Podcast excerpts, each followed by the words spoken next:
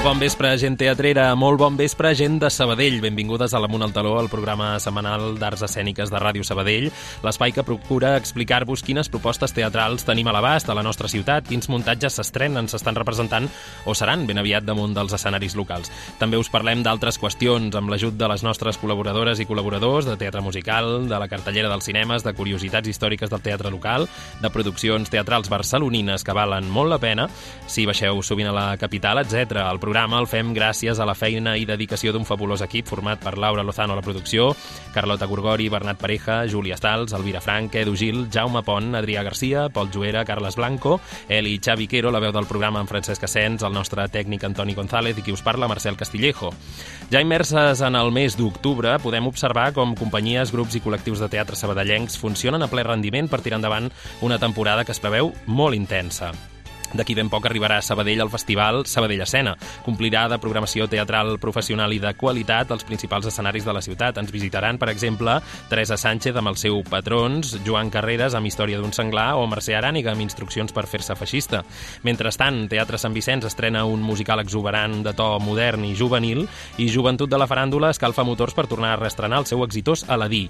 Soterrani, L'accent, Aigua deshidratada o Ho sé tot, propostes de teatre text més petites de diverses entitats, passen potser més desapercebudes en, en espais més modestos en aquesta cartellera dominada absolutament pels grans formats més comercials i adreçats a tots els públics. Disi Sabadell, però nosaltres aquí serem per informar absolutament de tot. Que pugi el taló, comencem.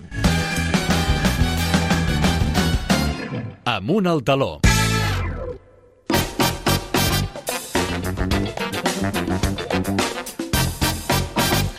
Arrenquem el programa d'avui, farem una repassada a la cartellera teatral local amb la Júlia Stals, revisarem les agendes perquè caldrà notar unes quantes propostes teatrals. Parlarem amb l'Àlex Castell i el Llorenç Costa, els dos impulsors i directors del muntatge que el passat diumenge va estrenar-se al Teatre Sant Vicenç. El Teatre Creu el Tenc va presentar amb èxit, en doble sessió pel matí per la tarda, el musical Els Descendents. Basat en una sèrie de pel·lícules de to juvenil, Els Descendents ens, ens explica la història dels fills, dels malvats, dels clàssics infantils de Disney. Amb una música amb molt ritme, vestuaris de tot tipus i una escenografia imponent, es nota que és la gran aposta d'aquest primer trimestre de la temporada de l'entitat. Parlarem també sobre Atemptat, un text del dramaturg madrileny Fèlix Estaire que va estrenar-se no fa massa al Teatre Espanyol i que ara, en català, arriba al nostre teatre principal, concretament els dies 21 i 22 d'octubre, per tant, dins la programació del Festival Sabadell Escena. L'Albert González, ànima de la companyia El Galliner, dirigeix aquesta proposta on dos personatges queden atrapats en un atemptat en un museu al cor d'Europa, una obra sobre la vulnerabilitat, sobre l'odi, sobre la por, sobre la falsa sensació de seguretat. Amb l'Edu Gil, que torna a Ràdio Sabadell aquesta temporada amb nosaltres, parlarem d'algunes pel·lícules que actualment són a la cartellera dels cinemes Imperial i Esmacià. S'acosta Halloween i això vol dir terror i misteri. Misteri en Venècia, a Sau 10, la darrera entrega de la saga sobre tortures sàdiques amb més sang i fitxa que mai, i The Creator, un film de ciència-ficció sobre intel·ligència artificial. Per acabar el programa ens visita l'Elvira Frank, la nostra teatrera experta de la cartellera de Barcelona, per comentar alguns dels muntatges que aquests dies podem trobar a les sales de la capital. Preneu nota perquè avui parlarem de Jo Travesti, una proposta de Roberto G. Alonso, també de La línia vermella, un espectacle de la jove companyia El Nucli, a l'àtic 22 del Teatre Tan Tarantana, i El plaer de la tristesa Tristesa, un espectacle basat en el personatge de l'infermera i escriptora Ramona Via que explica l'ambient, els problemes socials, la guerra i els canvis polítics viscuts des del seu petit poble en un diari personal, al teatre El Maldà. Aquest és el menú d'avui, amunt al taló. Els dimecres al vespre, amunt al taló. La platea indiscreta. Obriu agendes perquè és moment de repassar ràpidament quines són les propostes teatrals sabadellenques per aquest proper cap de setmana. Aquesta ullada a la cartellera local la fem com cada setmana amb la Júlia Stals. Bon vespre, Júlia. Bon vespre. Aquesta setmana és una setmana especial. Suposo que és perquè tenim un pont, Tenim el un pont d'octubre i... i... crec que també és una mica una prèvia del Sabadell Escena que estem comentant en aquest programa, que Sí, vindrà, també. vindrà aviat els dies 20, 21, 22, eh? També, i a més a més, els sabadellencs han decidit posar-se d'acord i fer pont, jo crec, també, eh? Doncs Vinga. comencem al Teatre Sant Vicenç, que representaran Els Descendents, una vegada més, un cap de setmana més, diumenge a dos quarts de dotze al migdia i a les sis de la tarda. Per tant, si preferiu al matí, al matí. Si preferiu a la tarda, a la tarda. Però aneu-hi, eh? A més Aneu-hi, a més, molt, sobretot. molt recomanable, en parlarem avui al programa amb alguns dels intèrprets i part de l'equip de direcció. I tant. I per últim, aquesta setmana és curtet, a la bàscula segueix en cartell l'accent divendres i dissabte a les 9 del vespre i diumenge a les 6 de la tarda. I això fins al 22 d'octubre. Que també s'acabarà aviat. Per tant, si no aneu de ponts, si us quedeu aquí, uh, l'accent pot ser una altra, una altra opció. No us ho perdeu. Algun altre recordatori, Júlia? Sí, com sempre recordem que es pot trobar gran part de l'oferta cultural de la ciutat a l'aplicació Sincronitzats, disponible a iOS i Android, i a la web de Seguir Cultura, que estem superalerta de totes les novetats culturals que tenim aquí a la ciutat. La setmana que ve em sembla que sí que tindràs més feina, eh? Doncs Ah, treballarem fort. Perquè teatres municipals i sales privades s'han posat d'acord i hi ha un bon boom de, de propostes. Gràcies, Júlia, per A aquest, vosaltres. per aquest repàs i continuem, com sempre, espiant la cartellera local al proper programa. Vagi Bona bé. setmana.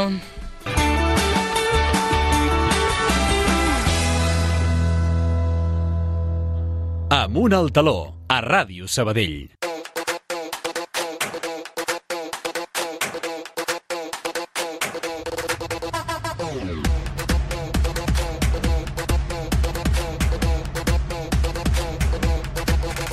Com continuen les clàssiques històries infantils de la factoria Disney, com segueixen els contes que tots recordem després del vet aquí un gat, vet aquí un gos. Aquest és el punt de partida de l'espectacle musical de gran format que el Teatre Sant Vicenç de la Creu Alta ha presentat fa pocs dies, el passat diumenge, i que s'allargarà fins al dia 12 de novembre. Després de ser derrotats, tots els malvats han quedat empresonats, però els seus fills i filles tindran l'oportunitat de sortir d'aquest infern i integrar-se a Auradon, un regne on els personatges bons viuen en una perpètua harmonia. Aquesta harmonia, evidentment, quedarà troncada per l'arribada d'aquests malvats descendents, uns joves inadaptats que tindran la missió d'obtenir una vareta màgica que pot tornar de nou al poder absolut als seus pares i mares. En aquesta trama principal que pot acabar en desastre si els progenitors reneixen de les seves cendres, s'hi mesclen diverses històries personals i moltes escenes còmiques d'amor, d'aventures. Per tant, parlem d'un espectacle amb molts missatges, perquè no podem permetre'n ser diferents, hem de seguir els passos dels pares i mares, hem de confiar més en nosaltres mateixos, la tolerància, la convivència, la crueltat, sobretot això, però també eh, serà un muntatge que serà espectacular en molts altres nivells, eh? escenogràfic, tècnic, de vestuari, i s'ha instal·lat a la Creu Alta. En volem parlar una mica més amb l'Àlex Castell i el Llorenç Costa, la direcció de l'obra. Benvinguts, com esteu? Hola, bones. I també amb la Júlia Palau i el Denis Sánchez, eh, dos intèrprets principals acabats d'estrenar, no? També, benvinguts, gràcies per venir. Gràcies. Um, Llorenç i Àlex, com, com va anar? Que vau anar per aquesta història dels descendents, d'on ve tot plegat i com és que decidiu que pot ser una bona proposta per realitzar-la, per dur-la a terme al Teatre Sant Vicenç? Bueno, doncs mira, Marcel, em, tot això comença el 6 de juliol del 2019, on a mi em sorgeix la primera idea de fer el musical a base de bueno, una mort que en les pel·lícules originals, un, la mort d'un dels actors protagonistes, doncs a mi em va marcar bastant. Em va donar molt per veure les pel·lícules durant tot aquell estiu, però va arribar la pandèmia, em, bueno, es va embolicar tot una mica i doncs es va quedar com una mica en stand-by, no això? Però sí que tenia moltes ganes de portar-ho al Sant Vicenç, encara que en aquell moment doncs, tenia una edat relativament molt jove i ho veia com una mica impossible, no?, per la magnitud i perquè era una cosa tan alternativa que no s'havia fet mai al Sant Vicenç i s'havien fet moltes coses clàssiques. Em, va passar una mica els anys i el 2021 doncs, vaig veure que la pandèmia va passar com una mica, em, de rebote mm, li vaig proposar al Llorenç, el Llorenç per sort em va dir que sí, del qual estic, li estic molt agraït. També vam, bueno, amb la resta de l'equip de direcció doncs, vaig tenir també la sort de fer una amistat enorme eh, quan vam fer el musical del Tarzan i també bueno, doncs estaven super d'acord en fer aquest musical i, i ja està, la resta és història i aquí estem. Quant de temps porteu treballant en aquest projecte i en tot aquest procés quines dificultats us heu anat trobant? No? Uh, evidentment, hi ha hagut, entenc que hi ha hagut una dificultat important que ha sigut el fet de passar aquesta història, que és eminentment cinematogràfica, a una naturalesa teatral que és absolutament diferent, no? Sí, clar, el, el repte més, més important d'aquest espectacle és que uh, viatgem en un, a un munt d'espais, Mhm. tots són bastant fantàstics, tots tenen el seu punt, la seva característica, i això perquè l'obra no s'enlentís, perquè en cinema fas pim i canvies d'escena, en teatre no, um, vam dissenyar un, un gran decorat um, que s'obre i es tanca um, per així facilitar el canvi d'espai, el canvi de decorat sense que tinguem de parar cap moment l'espectacle i, bueno, i el ser fantasia també ens va permetre que bueno, poder tot um, reomplir-lo de color, de llum, de, o sigui, tots els efectes i això ha fet que, bueno, jo crec que en un, els decorats i els efectes de llum i els efectes de màgia que hi ha a l'espectacle és un dels punts forts. Des de que, disseny, des de que adapteu aquestes pel·lícules no? i adapteu tot això i aneu treballant en les scenografies fins que arribeu a l'estrena d'aquest passat diumenge, quant de temps ha passat? Jo diria que dos anys i mig, si no em falla la memòria. O sigui, han no? estat molt de temps i, i és això. Hem, pel que vam viure l'estrena, tant nosaltres com el que ens va transmetre el públic, jo crec que en podem estar bastant orgullosos. Mm, S'ha posat el nivell Sant Vicenç molt fortament. A més, Àlex, en el teu cas ha estat la primera experiència, ara ho deies, no?, a, a la direcció d'un espectacle del Teatre Sant Sí. Vicenç. Com ho has viscut, això? Com valores el procés? Ara que ja esteu estrenats i ja podeu respirar una mica Pues, més tranquils. Doncs t'has d'imaginar, Marcel, com jo porto a la casa al centre 11 anys, diria... Mm, clar, jo sempre he fet tallar teatre, mai he fet obres de temporada. Llavors, fa dos anys mm, vaig involucrar el Tarzan, però d'una manera molt passiva. Mm, Mm. A poc a poc doncs, ja vaig començar hem a fer més musicals, més coses, però clar, és, és viure d'una manera completament diferent al teatre, a tal com jo l'entenia. Uh -huh.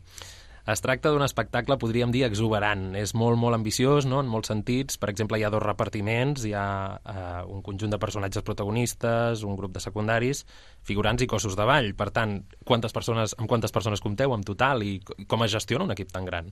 Clar, entre els dos grups són més de 80 actors i actrius, però a més només comptant tècnics, regidors, eh, persones que ens ajuden amb l'utillatge, eh, maquinistes, a l'espectacle, per, perquè funcioni cada cap de setmana al, te al Teatre Sant Vicenç, estem parlant que són més de 100 persones que estan allà fent, bueno, fent realitat aquest espectacle i portant-lo al públic de Sabadell. Que després això es tradueix en un espectacle on poden passar moltes més coses, no? Però clar, falten més mans al darrere, no? Sí, sí, sí. Uh, Denis, Júlia, que també us tenim aquí. Ara vaig amb vosaltres. He tingut uh, l'oportunitat de veure aquesta, la preestrena dels Descendents i la veritat és que un punt que potser destacaria és la, la, de la producció és la música, no? Una música que és molt, molt potent, eh, molt canyera, i els balls també, la part coreogràfica, no? Um, no és com altres musicals que haguem pogut veure a Sabadell, potser cada cop creieu que en aquest sentit, no? musicalment i coreogràficament ja, ja es treballa més, hi ha més exigència o més autoexigència. Jo personalment crec que sí. I crec que el fet de que la música sigui com tan moderna ja determina un tipus com de, de ritme com molt més ràpid, més frenètic, i fa Mm. que les coreografies siguin també com més potents, més ràpides i per tant més complicades. Penso el mateix a nivell coreogràfic i cantar a la vegada té un esforç darrere que hi ha hagut d'un any i mig, molt més encara, per actors també principals, que no enteníem una mica com era un espectacle tan potent com jo, mm. que m'estreno amb aquest musical tan gran.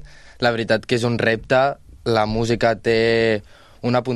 no sé com dir-ho, un, una màquina, una energia que et ve i t'has de moure el cos i tot, i és un espectacle increïble veure tot junt. En quants números participeu? Vosaltres dos en concret feu un personatge principal a l'obra. Sí, sí. Jo crec que en, en tots menys un. Déu-n'hi-do. Són, bueno, 9 o així, 9, 10. 9, 10, sí, igualment. I tu? Jo igual. 8, 9 també. 8, 9, també. Déu-n'hi-do. Continuo una mica més amb vosaltres, Denis i Júlia, perquè volem que ens expliqueu una mica quin personatge interpreteu, no? qui és, i personalment qui, quins reptes us ha suposat mm, eh, encarnar un rol, un paper tan important en l'espectacle, no? Eh, amb un espectacle que és d'aquesta complexitat, ara ho comentàvem. Doncs jo interpreto la Mal, que és la protagonista de la història, és la filla de la Malèfica, i bueno, la pobra noia està molt condicionada per, per la seva mare, que és bueno, la més malvada de, del país. Llavors ella sempre ha volgut ser com la seva mare, però al final, bueno, no farem spoilers, però s'han acabat donant de que potser ella no vol ser com la seva mare al 100%, i es va trobant com amb coses que no s'havia trobat mai a la vida, com per exemple l'amor, i ha d'anar descobrint com vol ser sense deixar-se influenciar com per tots els estímuls que té, que són bastants. Jo interpreto el Carlos, és el fill de la Cruella de Vil. La veritat que aquest personatge jo crec que és el més còmic de tota l'obra. És un nen de 16 anys que li té por als gossos. Es troba en un canvi de ser mare que l'obliga a fer pues, tratges, roba i que va a Obradon i es troba en unes condicions que mai s'imaginaria. I la veritat que és molt guai interpretar aquest personatge. Acabeu cansats quan acaba la funció? Uf. I acalorat, sobretot, sí, Molt. sí, molta calor, molta calor. Um, D'aquest espectacle musical que presenta el Teatre Sant Vicenç també cal remarcar-ne la, la part escenogràfica. Uh, al principi comentava el Llorenç, hi ha una escenografia molt, molt imponent que es transforma no? i que sorprendrà. Um, com serà? Sense tampoc fer massa spoiler, però um, amb quins elements comptem? No, no, amb... primer de tot, um, també dir que tota aquesta estructura, tot aquest conjunt de decorats es van muntar durant l'estiu, mm. vam tenir molta feina, també agrair als tramoies del centre que han estat amb nosaltres eh, currant moltíssim i és una cosa que aprecio molt perquè ells normalment, de normal, ells marxen de vacances i a l'estiu no hi treballen i aquest any, el, quan, com van saber que nosaltres ens quedàvem a fer decorats, ells també es van quedar i es van i es, bueno, es van ajuntar a nosaltres a construir aquests decorats que, ja et dic, són bastant ambiciosos i és això, um, passem o sigui, gràcies a aquests decorats Hi ha hagut molta, molta feina també amb la caracterització dels personatges, vestuari i maquillatge um, hi ha canvis de vestuari constants, no? Tots els personatges tenen dos o tres canvis com a mínim I trepidants, segons, segons i va ser trepidants, trepidants uh, com, com ho heu aconseguit de destinar tant recursos i tanta energia en aquest departament que de vegades queda una mica en segon pla o, o potser no, no, no es destaca tant, no? Doncs, mira, Marcel, s'ha mirat de mm, mirar-ho tot amb lupa, cada personatge, em, quines característiques tenia, em, tant a nivell de maquillatge, vestuari, anar buscant mm, per moltes webs, anar buscant per tendes físiques, tot, tot, tot, tot, tot, o sigui, cada cosa, cada mil·límetre del vestuari, perquè em, el que volíem és que el vestuari representés exactament em, el personatge i que simplement sense veure, només veient fotografies o veient-los sense veure la història, que sapiguessin identificar perfectament quin personatge és. I aquest era l'objectiu i crec que ho hem aconseguit. Mm, La Audrey aquí ha fet una feina espectacular. Um, gran part del pressupost s'ha destinat a la seva secció perquè sabíem que aquest musical, a part de ser fantasia, um, el vestuari havia d'anar um, acorde amb l'espectacle, per tant la Audrey ha fet una feina espectacular amb aquest tema i, i a part també l'Oriol Oltra, el nostre tècnic, ha, ha, ha agafat i ha enlluernat tot, tots els efectes visuals, pirotècnia, amb llums, eh, bueno, coses que no, que coses que no s'han muntat mai al centre Sant Vicenç, doncs per primera vegada ho estàvem muntant i ho estàvem posant um, a dalt de l'escenari. Uh, ens deixarem coses en aquesta entrevista, eh? Sí, Perquè No, no, i, bueno, és també, ambiciós, és ambiciós. no, i per dir també bueno, que bueno, la Cèlia que ens ha fet les coreografies que són espectaculars i la Montse i la Gemma que ens han portat el cant que també Veus? és bastant complicat Ens deixarem noms. no, no, no, i dic, així els diré, crec que els direm sí, tot sí, ja Sí, sí, sí, sí. Júlia, Denis, um, anem a parlar una mica del rerefons d'aquesta obra de teatre. Què creieu que ens intenta explicar? Abans dèiem que hi havia moltes trames, no? que al final cada personatge té la seva. Uh, cadascú de vosaltres, per tant, té una de pròpia, però també hi ha un missatge general, no? Sí, Um. fa, fa reu parlàvem amb el Denis, de fet, que creiem que no té només un, però jo, per exemple, crec que un dels missatges que té és, bueno, relacionat també amb el que he explicat abans del que li passa a la Mal com a ella personalment, és que em, els personatges intenten durant tota l'obra com eh, decidir entre el que està bé, el que està malament, el que és ser fidels a ells mateixos o deixar-se emportar pel que volen els seus pares, llavors com trobar el, el teu propi camí, jo diria. A més a més de donar una segona oportunitat a totes les persones, a més, en No aquest espectacle, Sí. efectivament, en aquest espectacle es dona una segona oportunitat als fills dels malvats perquè al final tenen un cor gran, podem I que dir. ells acabin guanyant autoestima, no? Que no es condemnin Clar. a ells Clar, mateixos, clar. també. Sí. Uh, Llorenç, tu portes bastants anys al capdavant de diversos musicals com a actor, per exemple, o com a, o com a membre de l'equip de direcció. Um, en aquest terreny hem evolucionat molt, cada cop anem a més a Sabadell.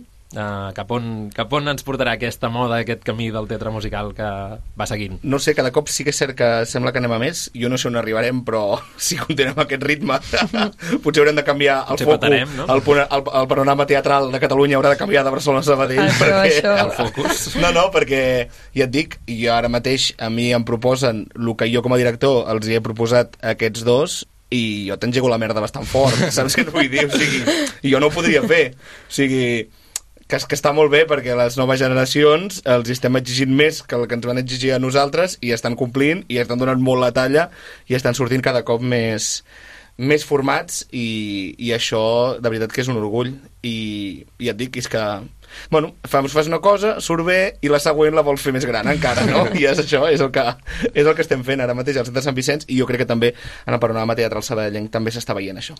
Uh, parlem dels Descendents, aquest nou musical que segurament enamorarà el jovent pels seus protagonistes i també pel to.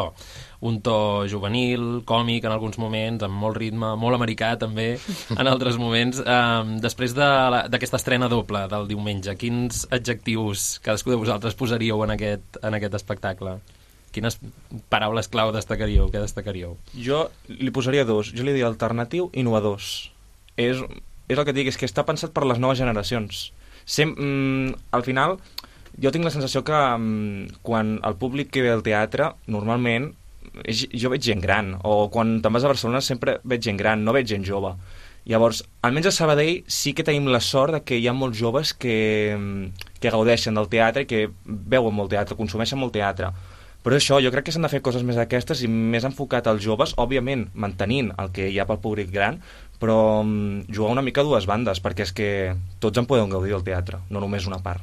Llorenç? Jo, visual. Jo crec que és un espectacle molt visual i molt bonic. per lo visual? Sí, i jo crec que acompanyen tot, eh, totes, totes les branques, però visual i, i bonic. La gent, quan, quan veu l'espectacle, jo crec que quan acaba és això, diu, hosti, acabo de veure un, un espectacle que visualment m'ha impactat. Mm. Mhm. Ho puc, ho puc assegurar. Sí. Denis, Jo diria enèrgic, crec que és un espectacle que mai desconnectes, és un espectacle que estàs sempre connectat dintre de la història i que no pots parar de mirar i, i d'imaginar-te tot el que passaria més enllà del seu, del seu cor i del seu personatge. I jo crec que és això, més que res. Em, jo les meves ja les han dit, però jo diria també potent i a nivell visual també trobo que és com molt brillant, o sigui que és com tots els colors, tot el, el vestuari, tot el que és, és molt brillant.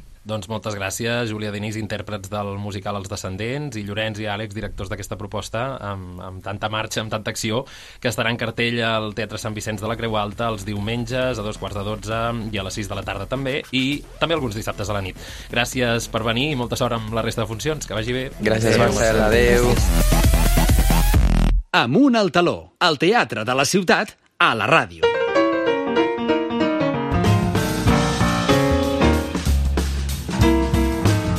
L'entrevista.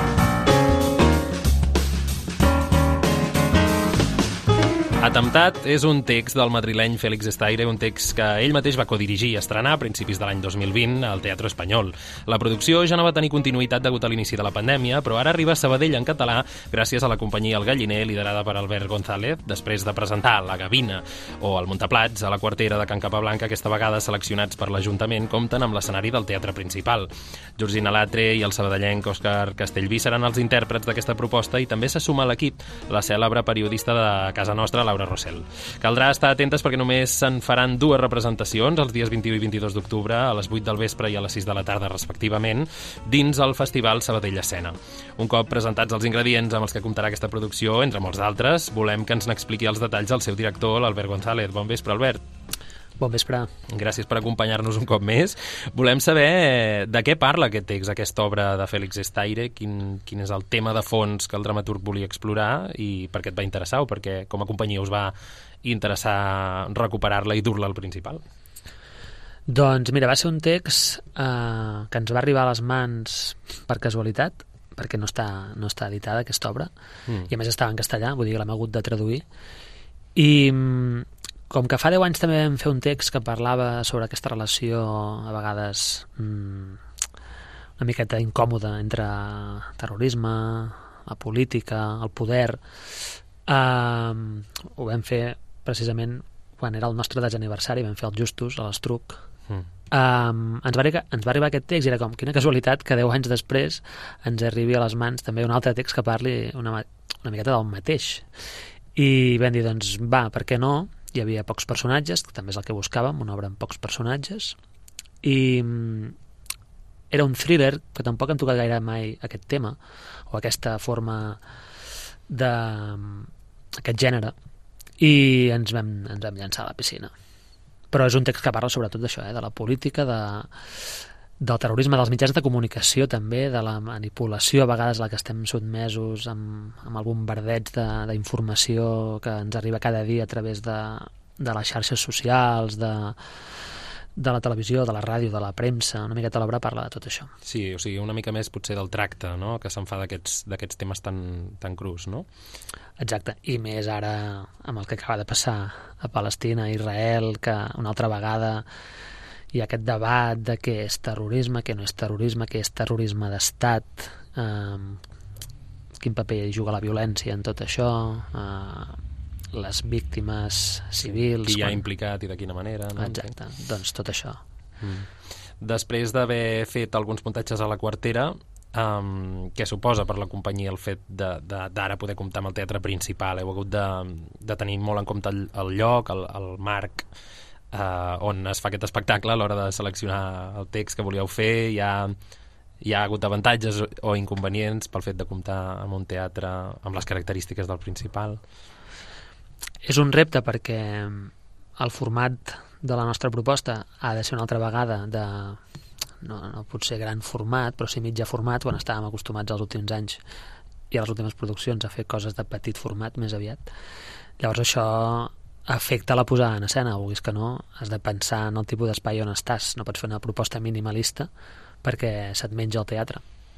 Però a la vegada, a la vegada era un repte de tornar a estrenar un, un espectacle en un, en un teatre gran. Nosaltres sempre hem estrenat aquí a Sabadell o a l'Estruc o a la Quartera. Sí que fa també 10 anys pel nostre desaniversari um, vam recuperar un text que és el text amb el que vam néixer que és Tres tristos traumes el 2014 també la vam fer al teatre principal però era com una reposició de, del muntatge que vam fer quan, quan ens vam fundar llavors aquí sí que ha sigut un muntatge des de zero i, i pensant en que no ha de morir aquí, o sigui, pensant en possibles sales també de Barcelona o, o, o d'altres ciutats en què el muntatge pugui tenir cabuda. A Temptat coneixerem dos personatges que han quedat atrapats en un atemptat terrorista en un, un museu al cor d'Europa, si no vaig errat. Uh -huh. Qui són aquests dos personatges? Com són? Eh, com s'enfrontaran a aquesta vivència tan dura, aquest, aquest terror? Com reacciona cadascú?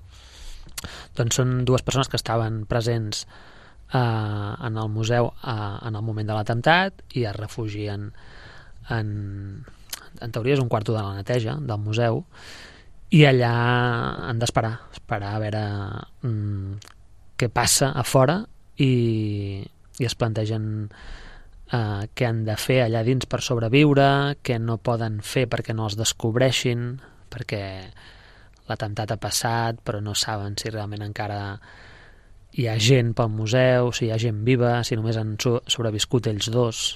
Llavors, una miqueta, tota l'obra és aquest thriller de, de veure què passarà amb aquests dos personatges. Per tant, aquest ambient entenc que també d'alguna manera afecta el ritme de, de l'espectacle? Sí, és una obra curteta, mm, no dura gaire, una horeta ens, ens dura més o menys, el que passa que es combinen aquestes escenes amb d'altres eh, a nivell de flashback uh -huh. que representa que tenen lloc fora del museu. Llavors es va intercalant els moments aquests de, de thriller de, de l'atemptat amb eh, altres escenes que han tingut lloc en un, en un, un passat. moment. Sí. Uh -huh. Compteu també, ho dèiem a l'inici, amb, la, amb la periodista Laura Rossell, una cara ben coneguda, i això potser ens remet a d'altres espectacles on veiem Raquel Sanz o fins i tot el Jordi Basté, que eren dalt l'escenari interpretant algun rol. Uh, com és que ha temptat també heu optat per una figura mediàtica del món de la informació diària, del periodisme? Què, què, què us ha aportat també el fet de tenir-la, la Laura Rossell? Um, vaig voler escollir a la Laura en primer lloc perquè la coneixia i sabia qui era, ens coneixem d'aquí de Sabadell de fa molts anys, uh -huh. i en mhm. segon lloc perquè hi ha un personatge a l'obra que és una cap d'informatius, és una periodista, i m'interessava aquí agafar un periodista o a una periodista de debò, i no a una actriu que interpretés una periodista. bueno, una mena d'experiment uh mhm. -huh. per, per buscar potser més la veritat, no? L'obra també va molt d'això, de, de què és veritat i què no, com ens manipulen els mitjans de comunicació, llavors per buscar encara més la veritat vaig dir, doncs agafo una periodista de debò, per ella ha estat tot un repte, ella no havia, no havia fet mai teatre, però diu que cada assaig és un aprenentatge i que, Segur que sí. i que està aprenent molt. I en el fons no deixa de fer d'això de, de, del seu rol que és la seva vida laboral una periodista, vull dir que tampoc ha sigut un exercici d'interpretació molt intens, ella està fent d'ella mateixa, però és diferent el que feia la, la, la Raquel Sanz, Raquel Sanz, mm -hmm. sí, no? Sí, sí. Ah, jo no vaig veure l'obra, però em sembla que la Raquel allà està fent com entrevistes o una entrevista al personatge que és el Ramon Madaula. De fet, molta gent li ha preguntat a la Laura ah, faràs el mateix que la Raquel, estaràs fent entrevistes allà? No, no, no té res a veure. En alguns llocs també hem llegit que, que aquest personatge a l'obra és una periodista que ha de cobrir l'atemptat i no, no té res a veure amb Tampoc. això. No sé d'on ha sortit, Tampoc, tampoc. però ho va treure fa poc un mitjà i deia això, no? que la Rossell interpreta un personatge que ha de cobrir l'atemptat que ha passat en el museu. No, no, ella no ha de cobrir res. Això ja l'espectador, l'espectadora quan vingui ja, ja ho veurà. Sense fer massa spoilers, però aquest eh, quart poder que una mica ens has anat dient que tindrà molt de, molt de pes, co com es comporta quan hi ha un fet tan terrible com és un atemptat? Mm, acostuma a posar-se de part de les víctimes i... o no, Ah, o hi ha uns interessos... Hi ha uns interessos. De fet, aquí, a la història recent d'Espanya, ho vam poder veure quan, quan van haver-hi els atemptats de l'11M, Mm. el 2004. Els interessos que hi havia eh, a nivell polític, la premsa, com, com anava desgranant la informació, i avui en dia ho, ho tenim també cada dia a les xarxes. Tu ja no saps realment què és veritat i què és mentida, què són fake news, eh, a qui t'has de creure, sempre hi ha com dues versions no? de, les, de les coses o dels fets, Mm. i l'obra va d'això. Fa poc també va haver-hi aquell, aquell accident d'avió on va morir el Prigozhin eh, Sí. de, dels Wagner a, a Rússia, Sí. I no sabies ben bé quina versió creure, la versió russa, que en teoria era l'oficial, que deia que havia estat un accident, però no va quedar gens clar què havia passat. La comunitat internacional volia investigar què havia passat amb aquell accident i Rússia va dir que no, que ells ja investigaven i que sí, que, que havia mort en l'accident Prigozhin. Uh, què t'has de creure? Llavors, Hi haurà uns, de, uns damnificats, entenc que en aquest cas seran els personatges que interpreten el, la Georgina Latre i l'Òscar Castellví, no? Sí, en part sí, i d'altres també. Uh -huh. um, què ens sorprendrà d'atemptat que no haguem vist en, en d'altres muntatges anteriors de la companyia? Uh, hi ha algun aspecte de l'espectacle que hagueu volgut ressaltar o treballar una mica més a fons aquesta vegada? Crec que sorprendrà la posada en escena, Uh -huh. perquè el que venim fent últimament a la quartera, doncs ja per l'espai, ja era de petit format, aquí crec que sorprendrà, no és una proposta realista, sinó que és una proposta conceptual, però crec que bastant atractiva, i també mm, alguns elements amb els que amb els que jugarem que potser la gent dirà, ostres, i això? Uh, L'obra passa en un museu. Passa en un museu i, i parla molt de- d'un mite que és el mite de Judit i Holofernes un episodi bíblic que parla sobre la història de Judit que va decapitar a un general que estava uh, invadint les seves terres no? llavors hi ha un quadre en el museu que parla d'això i d'aquí jo també he tirat del fil i bueno, he investigat i hi ha òperes que parlen també d'aquest mite i introduiré algun element operístic en el muntatge també que, que pot ser xocant, no? però és curiós perquè l'obra va sobre un atemptat, evidentment quan hi ha atemptats terroristes a vegades la mort està present, però a la vegada estàs en un museu on hi ha obres d'art, per tant hi ha la bellesa present barrejada amb la mort, eh, he anat per aquí una miqueta. Uh -huh. La bellesa, la violència...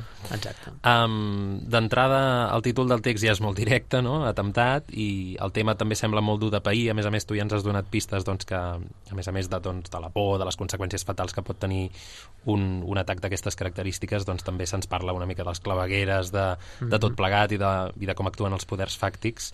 Um, de tot això, mm, d'aquest dolor que provoca tot plegat, convé parlar-ne als escenaris també per fer una mica de catarsi i per mm, provocar d'alguna manera l'espectador o espectadora, potser um, com ho veus? Sí, són temes a vegades incòmodes de veure dalt d'un escenari, però crec que Però necessaris, potser. Sí, i, i més ara, és que justament amb el que acaba de passar a Israel i Palestina és com una altra vegada tornem a estar parlant de, de terrorisme, d'atemptats, de persones innocents que moren, però a la vegada hi ha interessos per, per qui defensa Israel, per qui defensa Palestina, no tot és blanc o negre, eh, en tots aquests conflictes sempre hi ha la població civil que és qui pateix les conseqüències, malauradament, i, i se n'ha de parlar perquè és una, una problemàtica que existeix a tot el món.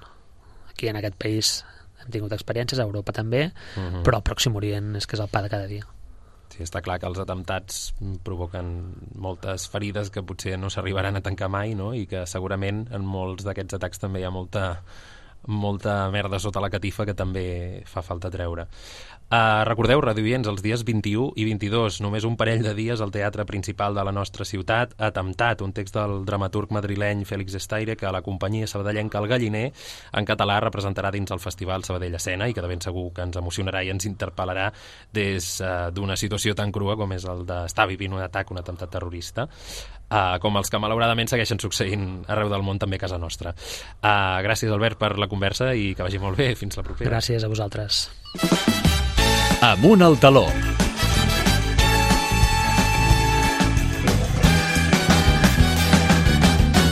A Ràdio Sabadell.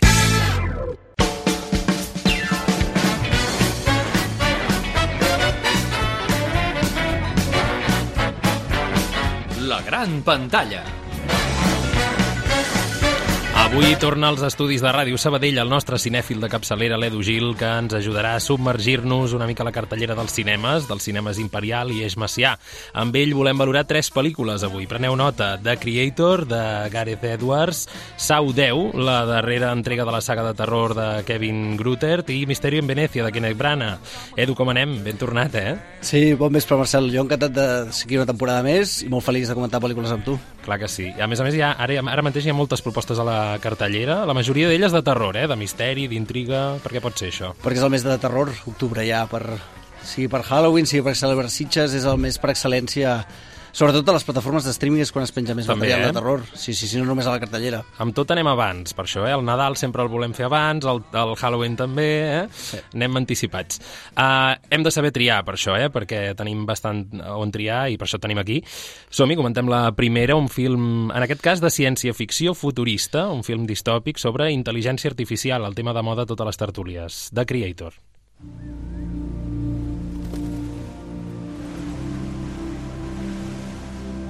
¿Qué es el cielo? Un sitio tranquilo ahí arriba. ¿Tú vas a ir al cielo? No. Para eso tienes que ser buena persona. Los dos estamos igual. No podemos ir al cielo, porque ni tú eres bueno, ni yo soy una persona. Ens deixarem transportar al futur i ens situem en una guerra entre la raça humana i les forces dominades per la intel·ligència artifici artificial. Joshua, un expert soldat humà atormentat per la desaparició de la seva dona, és cridat per caçar i matar el creador, l'arquitecte que ha desenvolupat una arma potentíssima capaç de posar fi a la guerra, eliminant per complet la humanitat. Joshua i el seu equip viatgen cap a les files enemigues, cap al territori de la intel·ligència artificial, i allà descobriran que la poderosa arma té la forma d'un nen petit. Edu, què tal? Què et va semblar? Doncs, en primer lloc, deixa'm començar dient, posant context. Hi havia bastanta expectativa amb aquesta pel·lícula perquè uh -huh. és una pel·lícula original de ciència-ficció tractant la, la, la intel·ligència artificial, és a dir, estem molt acostumats a veure productes de franquícies, no, no, costa veure productes de gran pressupo- pressupost um, originals. Sí. I els trailers pintaven molt bé, sobre era de Gareth Edwards, que um, va dirigir Rock One i és, i és de les poques pel·lícules de, de, de la saga de Star Wars que la gent està contenta, de Disney, i llavors doncs, hi havia una expectativa bastant alta. I a nivell d'estètica concorda. De Concorda, fet, no? exacte, té aquest Es punt... nota que és ell. Correcte. I com que havia tardat molts anys en fer-la, doncs hi havia l'expectativa de que seria un bon producte de ciència-ficció, tot i ser complicat, perquè al final fer un producte original és complicat. Mm. Què passa? Doncs que decepciona la pel·lícula. És una llàstima. Decepciona perquè els 40 primers minuts de la pel·lícula són formidables, és a dir, um, presenta la història, tu vas creient d'una manera pausada però, però va avançant amb bon ritme, bones imatges, bona fotografia, explosions, és a dir, t'enganxa, t'atrapa. Mm. A partir de la meitat, eh, el guió no, no sé si van tenir problemes, o- és que és complicat eh, fer, fer ciència-ficció, com he dit, però no acaba, és a dir, les idees estan com desfetes, uh, no acaba, hi ha problemes de guió que no acaben de Com a concordar. espectador deixes de seguir, potser. Una mica sí, és a dir, es, la vas veient, eh, estàs, estàs a dintre, però un cop acaba, comences a veure els fallos de guió importants que té. Uh -huh. A més a I- més està, està dibuixant tot un univers nou. És un Correcte, univers i- nou que com a espectador no, no coneixes, no tens cap referència. Això és lo complicat, sobretot quan t'adintres. Per això és, és molt complicat, però als 40 primers minuts eh, entres molt bé, però a partir de la meitat cap al final eh, comença a succeir coses que no tenen cap mena de sentit. I això comences a pensar després quan veus la pel·lícula, dius, a veure, això per què? I, i clar, i suposo també és que barreja bastantes pel·lícules, també, això és un problema. Val. Com vol- vols barrejar diverses pel·lícules de ciència-ficció en una, introduir elements que ja estan molt vistos, com això de la nena, que pot ser la, la, eh, l'esperança de, la, de la guerra i tot això, això són temes És bastant, veritat, bastant veritat. mm, gastats. Sí. I, clar, el problema és aquest, és, és la decepció. Al final surts, dius, ai, llàstima. Llàstima Com- perquè podria haver sigut molt, però, però no per... sinó per com anava començant. És a dir, clar, tu portes mitja hora, 40 minuts, dius, ostres, això només pot anar amunt, però va cap avall. Va cap avall, quina pena. Com a nivell de missatge, per exemple, eh, pot ser que ens parli d'això, si com a societat ens estem cavant una mica la tomba nosaltres mateixos creant aquestes IAs, no? Uh, aquestes eines tecnològiques que representa que ens han d'ajudar i després resulta que acaben que guerra mica- o no hi ha tanta reflexió en aquest Jo crec que el sentit? missatge és que mm, tendim a, a enfocar el problema a la, que la intel·ligència artificial va en contra de nosaltres. I, no, i potser no és així. El missatge és aquest de, de que Com estem, fer-la servir, com conviure-hi, no? però que um, sobretot, fixa't-hi, és a dir, tenim la creença de que la, les màquines vindran sempre contra nosaltres. Mm. I el que t'intenta dir la pel·lícula és que no t'ho miris així, és a dir, al final um, la, les màquines estan per ajudar. Per tot, i- tot i que hi hagi un error, no vol dir que estiguin que vulguin destruir la humanitat. Uh, passem a la següent pel·lícula. Kenneth Branagh torna a posar-se el bigoti tan característic d'Hercule d'Hercule Poir- Poirot. Ara Poirot viu a Venècia i en un vell palazzo per Halloween hi tindran lloc una sessió d'espiritisme per una banda i diversos assassinats. Misterio en Venècia. Hercule Poirot, he encontrado algo. He analizado bien. Soy la persona más lista que conozco y no logro descifrarlo. Por eso he acudido a la segunda. Estás tramando algo, amiga mía. He visto un montón de videntes y todos son una farsa. No creo en la evidencia. A la vigília de Tots Sants, Hercule Poirot, ara jubilat, retirat, torna a l'acció, empès per una vella amiga escriptora i assistirà a una festa en un antic palazzo de la ciutat italiana. Quan acaba la festa, en una sessió d'espiritisme, intentarà treure l'entrellat del misteriós suïcidi de la filla de la família. La mèdium resulta ser un frau, però el que el veterà detectiu no espera és la mort de dos personatges més en aquella casa, que quedarà tancada. Només la fidel i creient criada, la matriarca de la família, un metge que encara ha de superar traumes de la guerra, els ajudants de la mèdium, el fill petit, fred i sigilós, un expolicia, l'escriptora i el promès de la jove que va morir, seran els sospitosos d'una llista que Poirot no aconsegueix reduir, perquè se sent profundament hipnotitzat, embruixat, marejat pels sorolls i aparicions fantasmals d'aquell casalot. Edu, què tal? Què me'n dius? Doncs mira, aquesta té... Bueno, podria ser la típica de, de Misteri de Poirot, però juga amb el punt sobrenatural, sobretot en, els, Sí. en el, el començament de la pel·lícula, que et, et descol·loca una mica, però a poc a poc et va, et va centrant cap al misteri més cap a la investigació. Jo suposo que és una mica voler intentar donar una mica d'aire um, aire fresc a la, a la A la saga, saga, sí, perquè sí. no sigui tot massa rutinari i que ho trobo bé. El problema de, a mi d'aquest tipus de les pel·lícules de que fa el, el Kenneth Branagh és que estèticament al començament sobretot em descol·loquen. És a dir, Mm. en aquesta, per exemple, la casa, um, la llum, la fotografia em descol·loca. És a dir, no, la veig massa artificial. Hi ha tots uns plans picats i del revés. És... Sí, sí. I, amb, i amb la de la primera, l'assassinat de Potser l'Orient està fet Express... expressament, eh? Sí, sí, Potser és per l'assassinat de l'Orient Express em va passar el mateix. Sí. També em va descol·locar. Però, bueno, un cop estàs dintre, vols saber qui és i, i després està ben raonat, entre cometes, i passes una estona entretinguda. Sí, hi ha tots uns plans vas. picats curiosos en aquesta, Sí, sí, sí, en aquesta totalment. pel·lícula. Um, una pel·lícula en què el protagonista Hercule Poirot um, es debatrà no? si, si abandona aquesta mentalitat seva tan acurada, tan científica, sempre tan correcta, i comença a creure que, en esperits, no? Hi haurà aquest... No volem fer molt spoiler. No, però és això, això està bé també, aquesta doble moral. sí. A mi no m'ha- no m'acaba de trobar agradar gaire la solució Mhm. d'aquest... Molt fàcil, potser. Molt fàcil, per mi.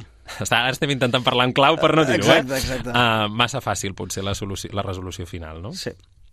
Uh, una pel·lícula, per cert, també amb un repartiment de luxe. Que, Correcte, bueno, això, mira, això no es pot queixar en Kenneth Branagh, eh? No. És a dir, eh, t'he de dir que dos eh, repeteixen de l'anterior pel·lícula de Kenneth Branagh, que era Belfast, Mhm. que eren el, el protagonista, i, bueno, que eren pare i filla en, en Mr. Melezi i eren pare i filla de Belfast. No sé si la vas veure, de Belfast. Sí, ara no, ara no la tinc en ment, però sí, sí, sí. sí. Uh, una pel·lícula, això que deies, no? potser uh, tintada de... De terror. d'una- Sí, com si fos una cinta de terror, no? Sobretot al començament, eh? Que et va convèncer això o no, o no massa? A mi no massa, però tenia tantes ganes per saber el misteri com tiraria i per sort un cop avança la pel·lícula, que ja cap a la meitat ja, ja es centra només en això i vas fent, i lo del sobrenatural al final acaba sent una mica anecdòtic, o està allà però no, no molesta. Al principi sí que molesta una mica, però després estàs més pendent de què passa, qui, qui és l'assassí. I al Mhm. final, doncs mira, està ben justificat, suposo. Sí. que passa que no és... Ah, és una novel·la d'Agatha Christie, però, és un, però no està... mm, No és de Poirot. Em sembla, no sé si ho havies vist. Ho buscarem, ho buscarem. Ho buscarem. Em sona que es, es basa en una novel·la d'Agatha Christie, però sense ser de Poirot. El que sí que no hi ha dubte és la que, hi ha, que ens acompanya la veu de Jordi Buixaderes, eh? la versió doblada. totalment, això sempre entra bé, eh? Exacte. Doncs la següent pel·lícula que valorem avui és l'última de, la sala, de la saga Sau, la sèrie de films protagonitzats pel torturador Jigsaw que segresta i empresona diverses víctimes en unes dronades instal·lacions i els obliga per, a passar unes proves, o com ell les anomena, uns jocs. Si els presoners superen els jocs i s'alliberen d'uns ginys i màquines terrorífiques que provoquen mutilacions, esbudellaments i crits de dolor, voldrà dir que han lluitat per sobreviure, que volen viure i, per tant, podran fugir. Sau 10. El cáncer se sigue extendiendo. Por desgracia, no hay mucho más que hacer. Aunque hay una persona que tal vez podría ayudarle. Nuestro programa consiste en un tratamiento doble a las afueras de Ciudad de México. Los resultados son magníficos. Ella me salvó la vida. Aquí está en buenas manos. Y después de eso... John Kramer torna a la gran pantalla. Com ja saben els fans de la saga, és un malalt terminal de càncer, li queda poc temps de vida, segons els metges, i serà enganyat per un grup d'estafadors que fingeixen extreure-li el tumor en un eh, viatge en un lloc recòndit de Mèxic. El grup es dedica a estafar malalts i desapareix. Kramer voldrà venjança, els buscarà i tancarà aquests falsos metges i infermeres en una nau plena de trampes i jocs mortals realment fastigosos. Edu, com ho valorem? Doncs mira, um, és una nova entrega que separa bastant de les, de les altres, és a dir, és bastant diferent. Um, jo crec que, um, suposo que ho han fet per, pels que entren nous, per dir-ho així, perquè realment pots entrar nou a la saga sí. i entra bé, perquè al final no deixa de ser una història a part um, que s'han inventat ara entre la primera i la segona.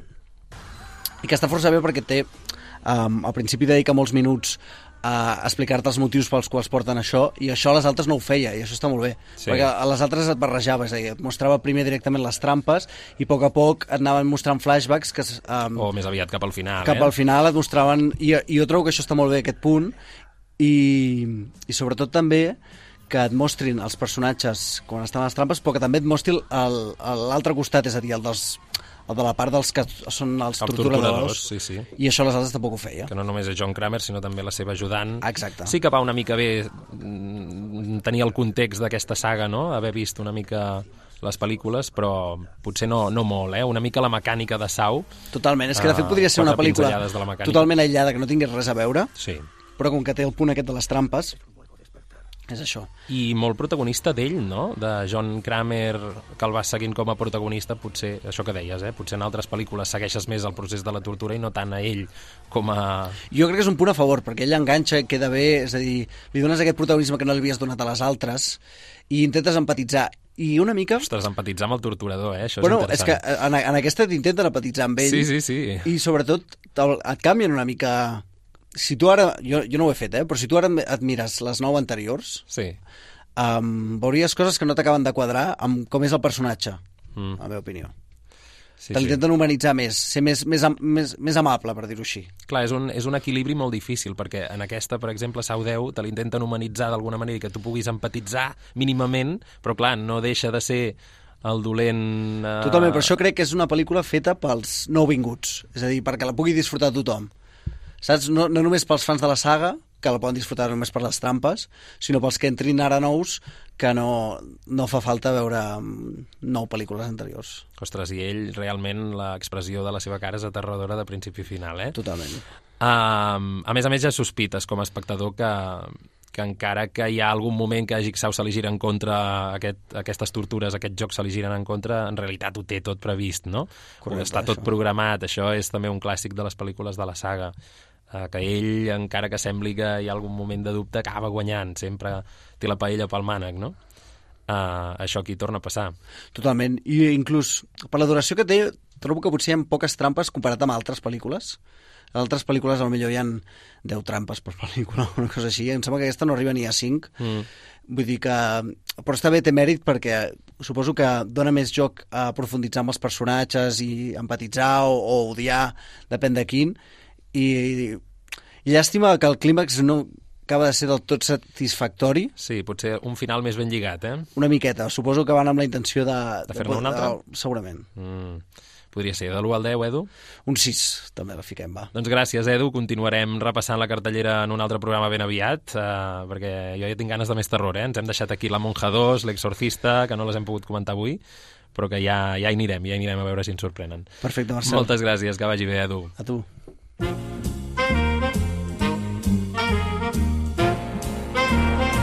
Teatre de Franc. I arribem al tram final del programa i toca Teatre de Franc. Amb la nostra espectadora experta de la cartellera de Barcelona comentarem, com sempre, alguns muntatges que podem veure actualment a la capital. Anoteu aquests títols. Jo travesti, La línia vermella i El plaer de la tristesa. Avui seran aquests tres títols. Elvira, bon vespre, què tal? Hola, bon vespre. Doncs bé, tres títols interessants tots tres, eh? Uh -huh. Sí, De petit format, totes de, de teatres exacte, de petit format. però Eh, cada vegada també són els espectacles eh, que tenen més encant, no? I que, I, i que sorprenen. no són tan mediàtics, no? Però que sorprenen, exacte. Sorprenen, sí. sí, sí, sí. sí. Comencem parlant per línia vermella. Vinga. El Teatre Tantarantana. Una obra de Palo Castillo, que també intervé en la interpretació, junt amb Valeriana Barbeta, Júlia Cerdà i Nil Martín, dirigits per Jordi Casado. Uns joves, acabats de sortir de l'Escola d'Art Dramàtic Eòlia, que han format la companyia al nucli i que s'han instal·lat a la sala Àtic 22 del Teatre Tantarantana. Allà han habilitat la sala com si fossin els vagons de metro de, de Barcelona. Al llarg d'aquesta sala i al centre hi ha les barres metàl·liques on doncs, ens agafem en el metro Mhm. i a banda i banda, deixant un passadís per davant i pel darrere, les cadires on seuran els passatgers, o sigui, els espectadors. Els espectadors són els, els passatgers.